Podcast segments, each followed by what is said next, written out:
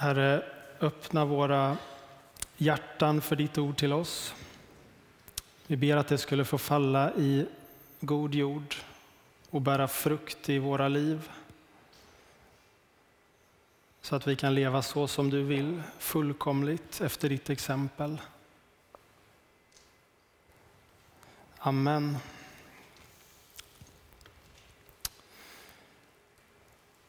Älska era fiender och be för dem som förföljer er. Den här texten som vi har läst den eh, finns i ett avsnitt av Bergspredikan där Jesus diskuterar lagen, alltså buden och reglerna från Gamla testamentet. Fredrik predikade förra veckan om den första delen av det här avsnittet och nu har vi den här texten. Jesus säger i början av det här avsnittet i vers 17 i det femte kapitlet. Tro inte att jag har kommit för att upphäva lagen eller profeterna. Jag har inte kommit för att upphäva utan för att uppfylla. Jesus är uppfyllelsen av lagen och profeterna. Det är i hans ord och genom hans liv som vi kan se vad som är lagens intention. Ett gott och sant liv. Det var ju så som lagen en gång gavs till Guds folk Israel som en kallelse till ett annat sätt att leva efter Guds vilja. Och genom sina liv så skulle de också bli ett vittnesbörd inför människor. De skulle bli ett vittnesbörd för andra folk om sin Gud. Och jag tänker att det är budskapet också i bergspredikan. Jesus säger till sina lärjungar att de ska vara salt och ljus. Det är någonting som påverkar, det är någonting som syns. Och några verser tidigare så säger Jesus, apropå att de är världens ljus, att på samma sätt ska ert ljus lysa för människorna så att de ser era goda gärningar och prisar er fader i himlen. Vi som följer Jesus är kallade till ett annat sätt att leva. Och den kallelsen gäller både oss själva, så att vi lever liv som ärar Gud, men också så att våra liv blir vittnesbörd inför människor. Inte om oss, vilket ju kan vara en frestande tanke, utan ett vittnesbörd om Gud som är den som ska få äran. När Jesus diskuterar lagen i det här avsnittet av Bergspredikan så gör han det utifrån vad som tycks vara ett antal missförstånd kring lagens verkliga innebörd. Folk verkar ha fått det där lite fel.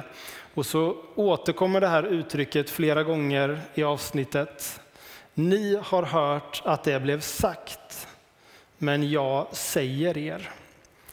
Jesus hänvisar till olika avsnitt av lagen i Gamla testamentet med orden ni har hört att det blev sagt.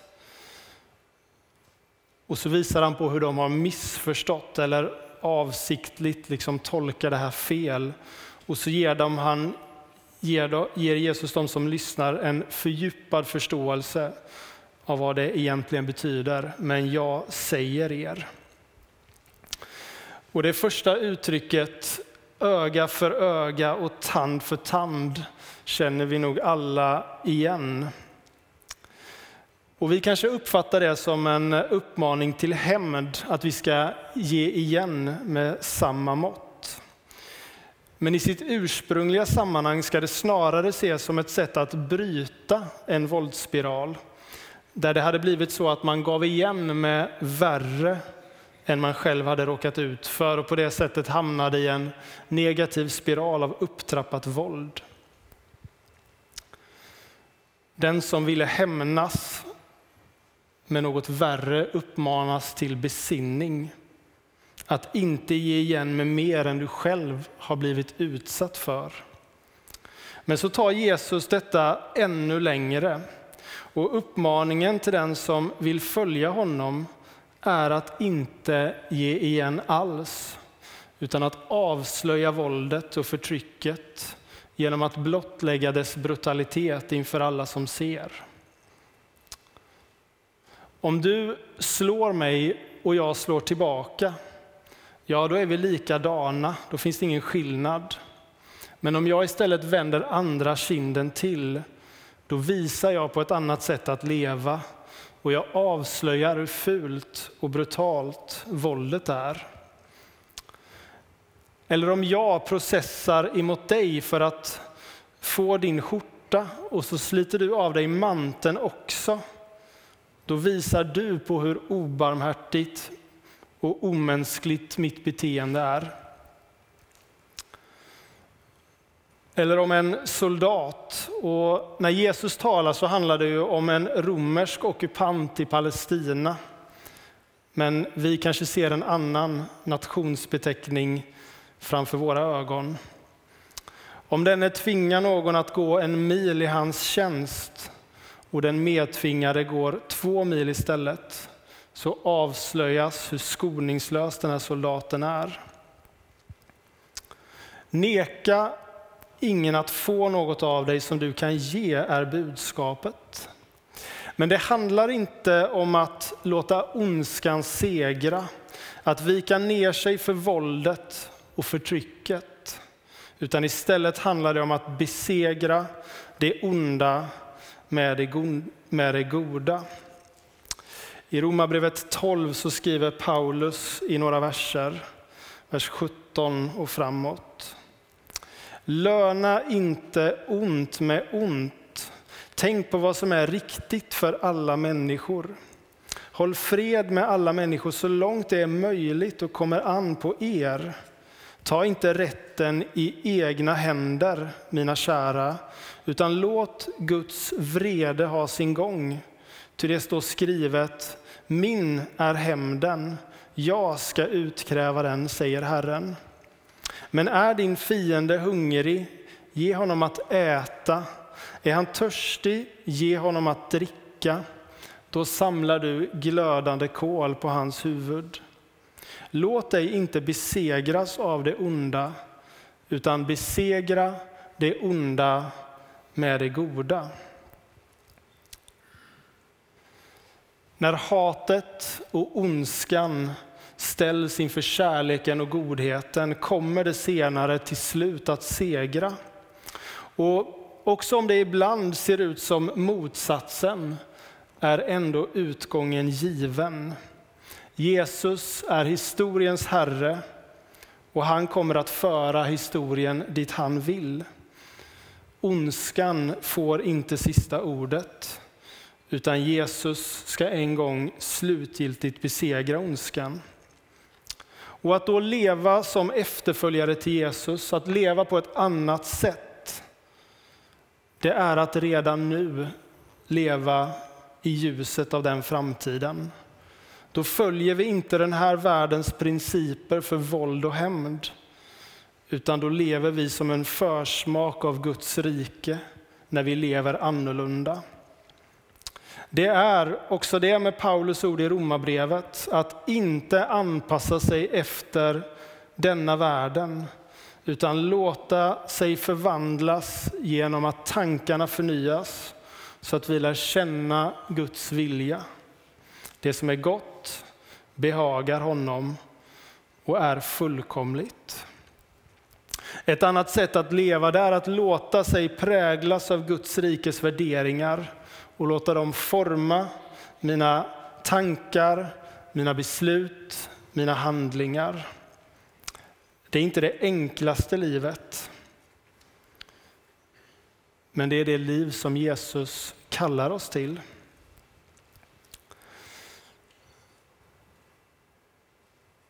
Jesus säger också i det här avsnittet som vi har läst, älska era fiender och be för dem som förföljer er.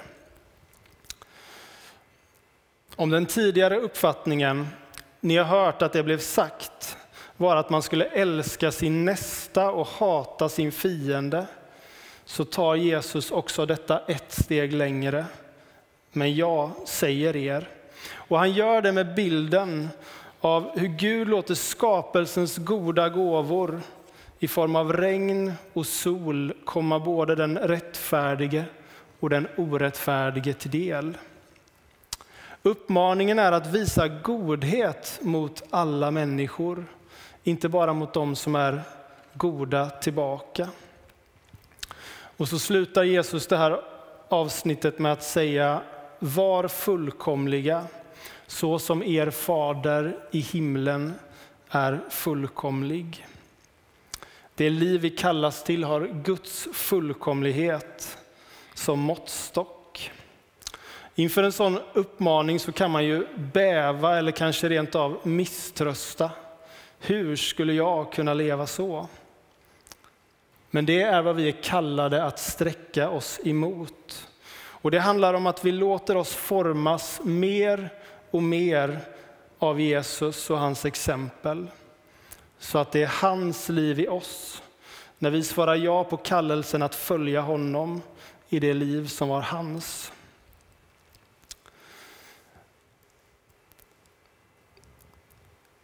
Jag har fått lära mig att man ska ha Bibeln i den ena handen och så dagstidningen i den andra. Alltså, vi läser inte Bibelns texter i ett vakuum, utan vi låter dem tala in i vår samtid. Tron finns inte i en avgränsad sfär av tillvaron, utan den belyser varje del av våra liv. Och när vi då läser Jesus ord om att vända andra kinden till, att älska fienden och be för dem som förföljer oss, då blir det ofrånkomligt att vi tänker på situationen i Ukraina, den som vi redan har nämnt. Hur skulle en kristen i Kiev eller Charkiv eller någon av de andra städer som just i denna stund utsätts för beskjutning läsa och ta till sig de här orden? Skulle de bara framstå som ett hån, ett slag i ansiktet när jag står öga mot öga med en överlägsen krigsmakt och uppmanas att älska de som står framför mig? Kan man verkligen älska fienden och be för den som förföljer mig? Är inte det att begära det omöjliga? Men då ska vi komma ihåg att när Jesus säger de här sakerna så är inte det bara vackra ord, ideal att följa, saker man kan säga när allt är frid och fröjd. Nej, Jesus lever i ockuperat land. I det som är Jesus värld, där har Rom, romarriket lagt Palestina under sig och man styr landet genom ståthållare och lydkungar. Soldaterna syns på gatorna och de är beredda att korsfästa varje individ som gör uppror mot ockupationsmakten. Och det är i den kontexten som Jesus säger de här orden om att älska fienden och be för den som förföljer er. Jesus visste vad det var att leva med fienden nära sig. Han dog under deras förtryck och ändå så säger han de här orden.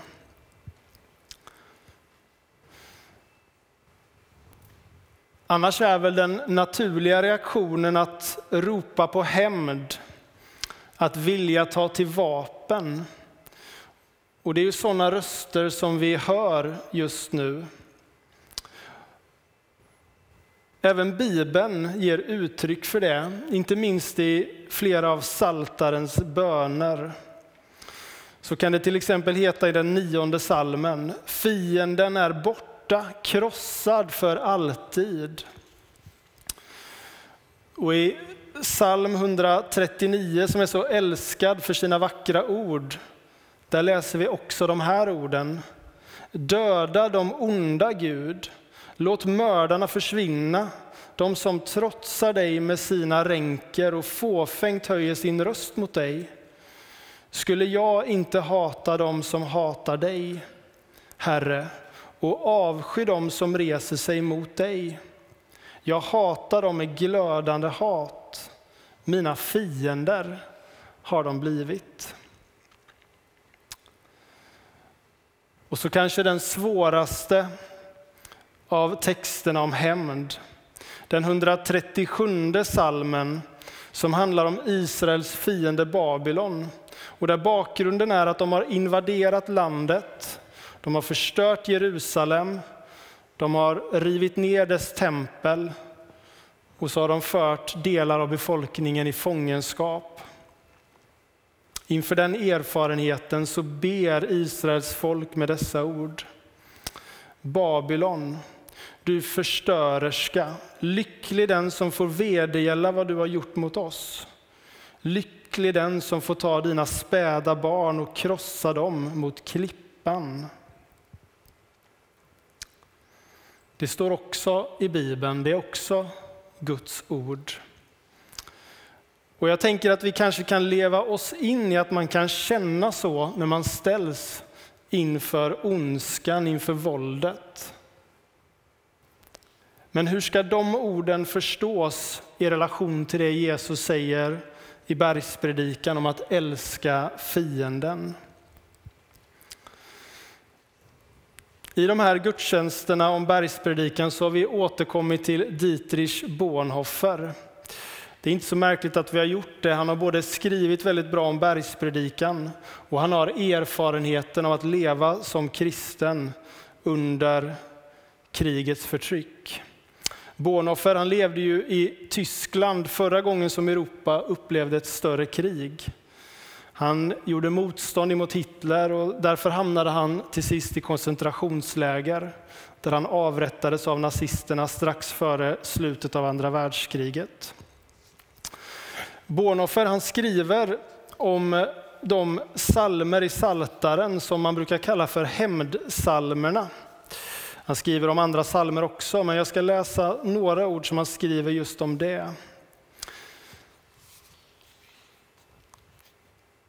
Bönen om Guds hämnd är en bön om att hans rättfärdighet ska bli förverkligad i domen över synden.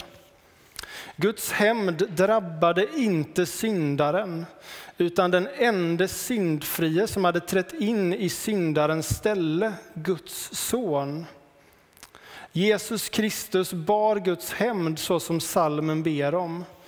Han stillade Guds vrede över synden och bad i den stund då den gudomliga domen verkställdes. Fader, förlåt dem, de vet inte vad de gör. Ingen annan än han själv, ingen annan än han som själv bar Guds vrede kunde be så. Endast i Jesu Kristi kors kan vi finna Guds kärlek. Så leder hämndsalmen till Jesu kors och till Guds förlåtande fiendekärlek. Jag kan inte utifrån mig själv förlåta Guds fiender. Detta kan enbart den korsfäste Kristus göra och jag får göra det genom honom. Så långt Bonhoeffer. En utgångspunkt är att jag lämnar hämnden och domen åt Gud, som vi ju tidigare läste i Romarbrevet. Ta inte rätten i egna händer, utan låt Guds vrede ha sin gång. Till det står skrivet, min är hämnden, jag ska utkräva den, säger Herren. Gud ska en dag besegra ondskan fullständigt. Och i väntan på det är vi kallade till att leva ett annat liv efter Guds rikes principer. Hur utmanande, hur obekvämt, hur svårt än det livet är. Vi får lämna domen och hämnden åt Gud. Och vi uppmanas att genom Jesu kors älska fienden.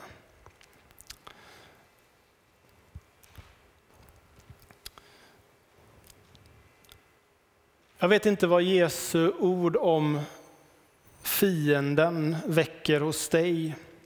Om det mest känns främmande för att det inte är någonting som blir relevant i din situation.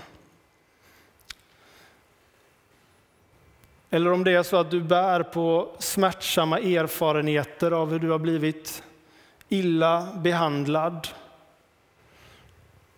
och även om du inte skulle välja att kalla någon för en fiende så kanske du har den erfarenheten med dig av att någon har betett sig illa mot dig.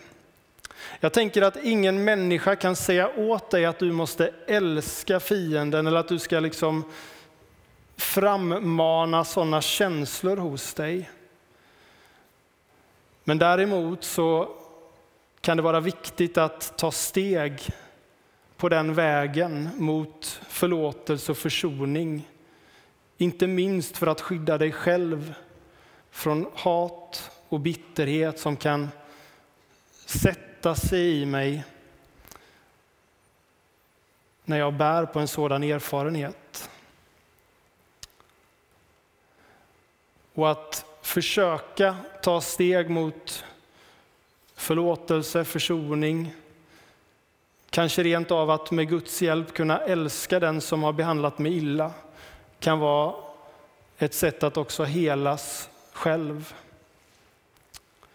Men att förlåta och att älska dem som framstår som mina fiender, det är ingen liten sak. Och det är något som enbart Guds kärlek kan åstadkomma.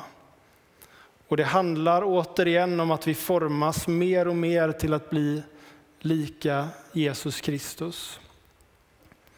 Inför sina bödlar vid korset så säger han Fader förlåt dem, för de vet inte vad de gör. Kan jag i min fiende se en människa skapad av Gud till Guds avbild, men som drabbats av syndens konsekvenser så att likheten med Gud har förstörts, liksom också jag är drabbad av synden. Och kan jag be att min fiende ska förvandlas av Guds kärlek, så som också jag behöver bli förvandlad av den.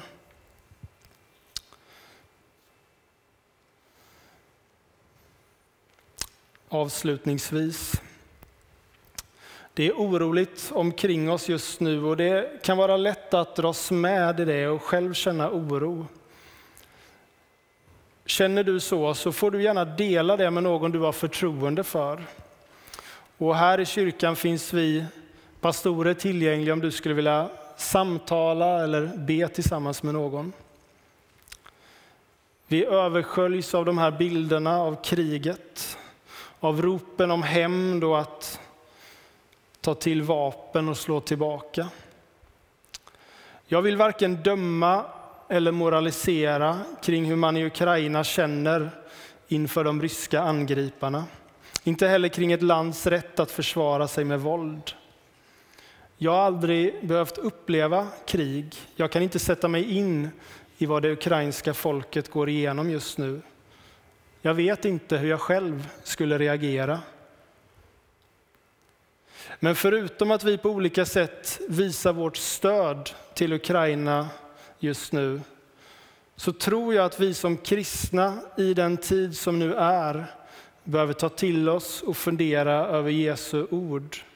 Vi behöver ställa oss frågan vad det innebär att tänka och tala kristet om det som nu sker. Jesus kallar dem saliga som håller fred och han manar till förlåtelse och försoning, att älska och be för fienden. Och det är inte bara vackra ord, utan det är ord som behöver forma vårt förhållningssätt till det som nu sker. Jesus kallar oss till ett annat sätt att leva, trots vad det innebär. Och jag tänker att det livet, det är bara möjligt när vi förblir förankrade i honom och i hans kärlek. Det är den kärleken som förvandlar oss till att bli mer lika honom. Den kärleken kan fördriva rädslan och då kan också människor och världen förändras. Amen.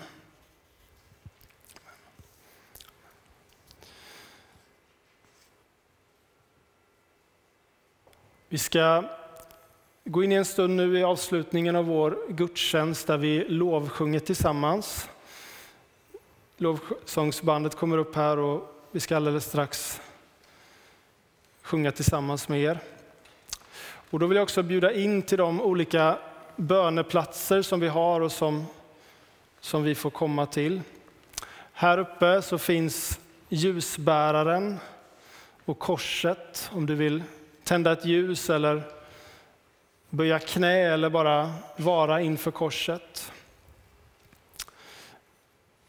Vi möter ju alla de här bilderna och en bild som har fastnat på min näthinna, jag vet inte om du har sett den fladdra förbi ditt flöde, men det är en bild av en man som liksom omfamnar ett kors som står utomhus någonstans. Och kanske kan man känna så i det här att man liksom fysiskt nästan måste hålla sig fast vid korset. Det enda som står stadigt i en orolig värld. Du kan skriva ett namn på en lapp och lägga här framme. Om det finns någon människa som du tänker på som skulle som du vill ska beröras av Gud. Och så kan vi be för vår stad eh, i tavlan här borta med foton från Linköping. Vi har jordgloben där du kan be för vår värld. Och inne i bönerummet här så finns det också förebedjare om du vill att någon ska be tillsammans med dig, så gör de gärna det. Och jag skulle särskilt vilja uppmuntra dig som kanske på något sätt har upplevt att du någon gång har blivit illa behandlad och att du bär med dig en sån smärtsam erfarenhet, även om inte du skulle tala om en annan människa som en fiende. Men där du ändå känner att du har varit med om något som smärtar. Kanske kan du ta steg mot förlåtelse, att be Jesus om hjälp att älska en annan människa. Och det kan vara ett sätt för dig själv att, att läka.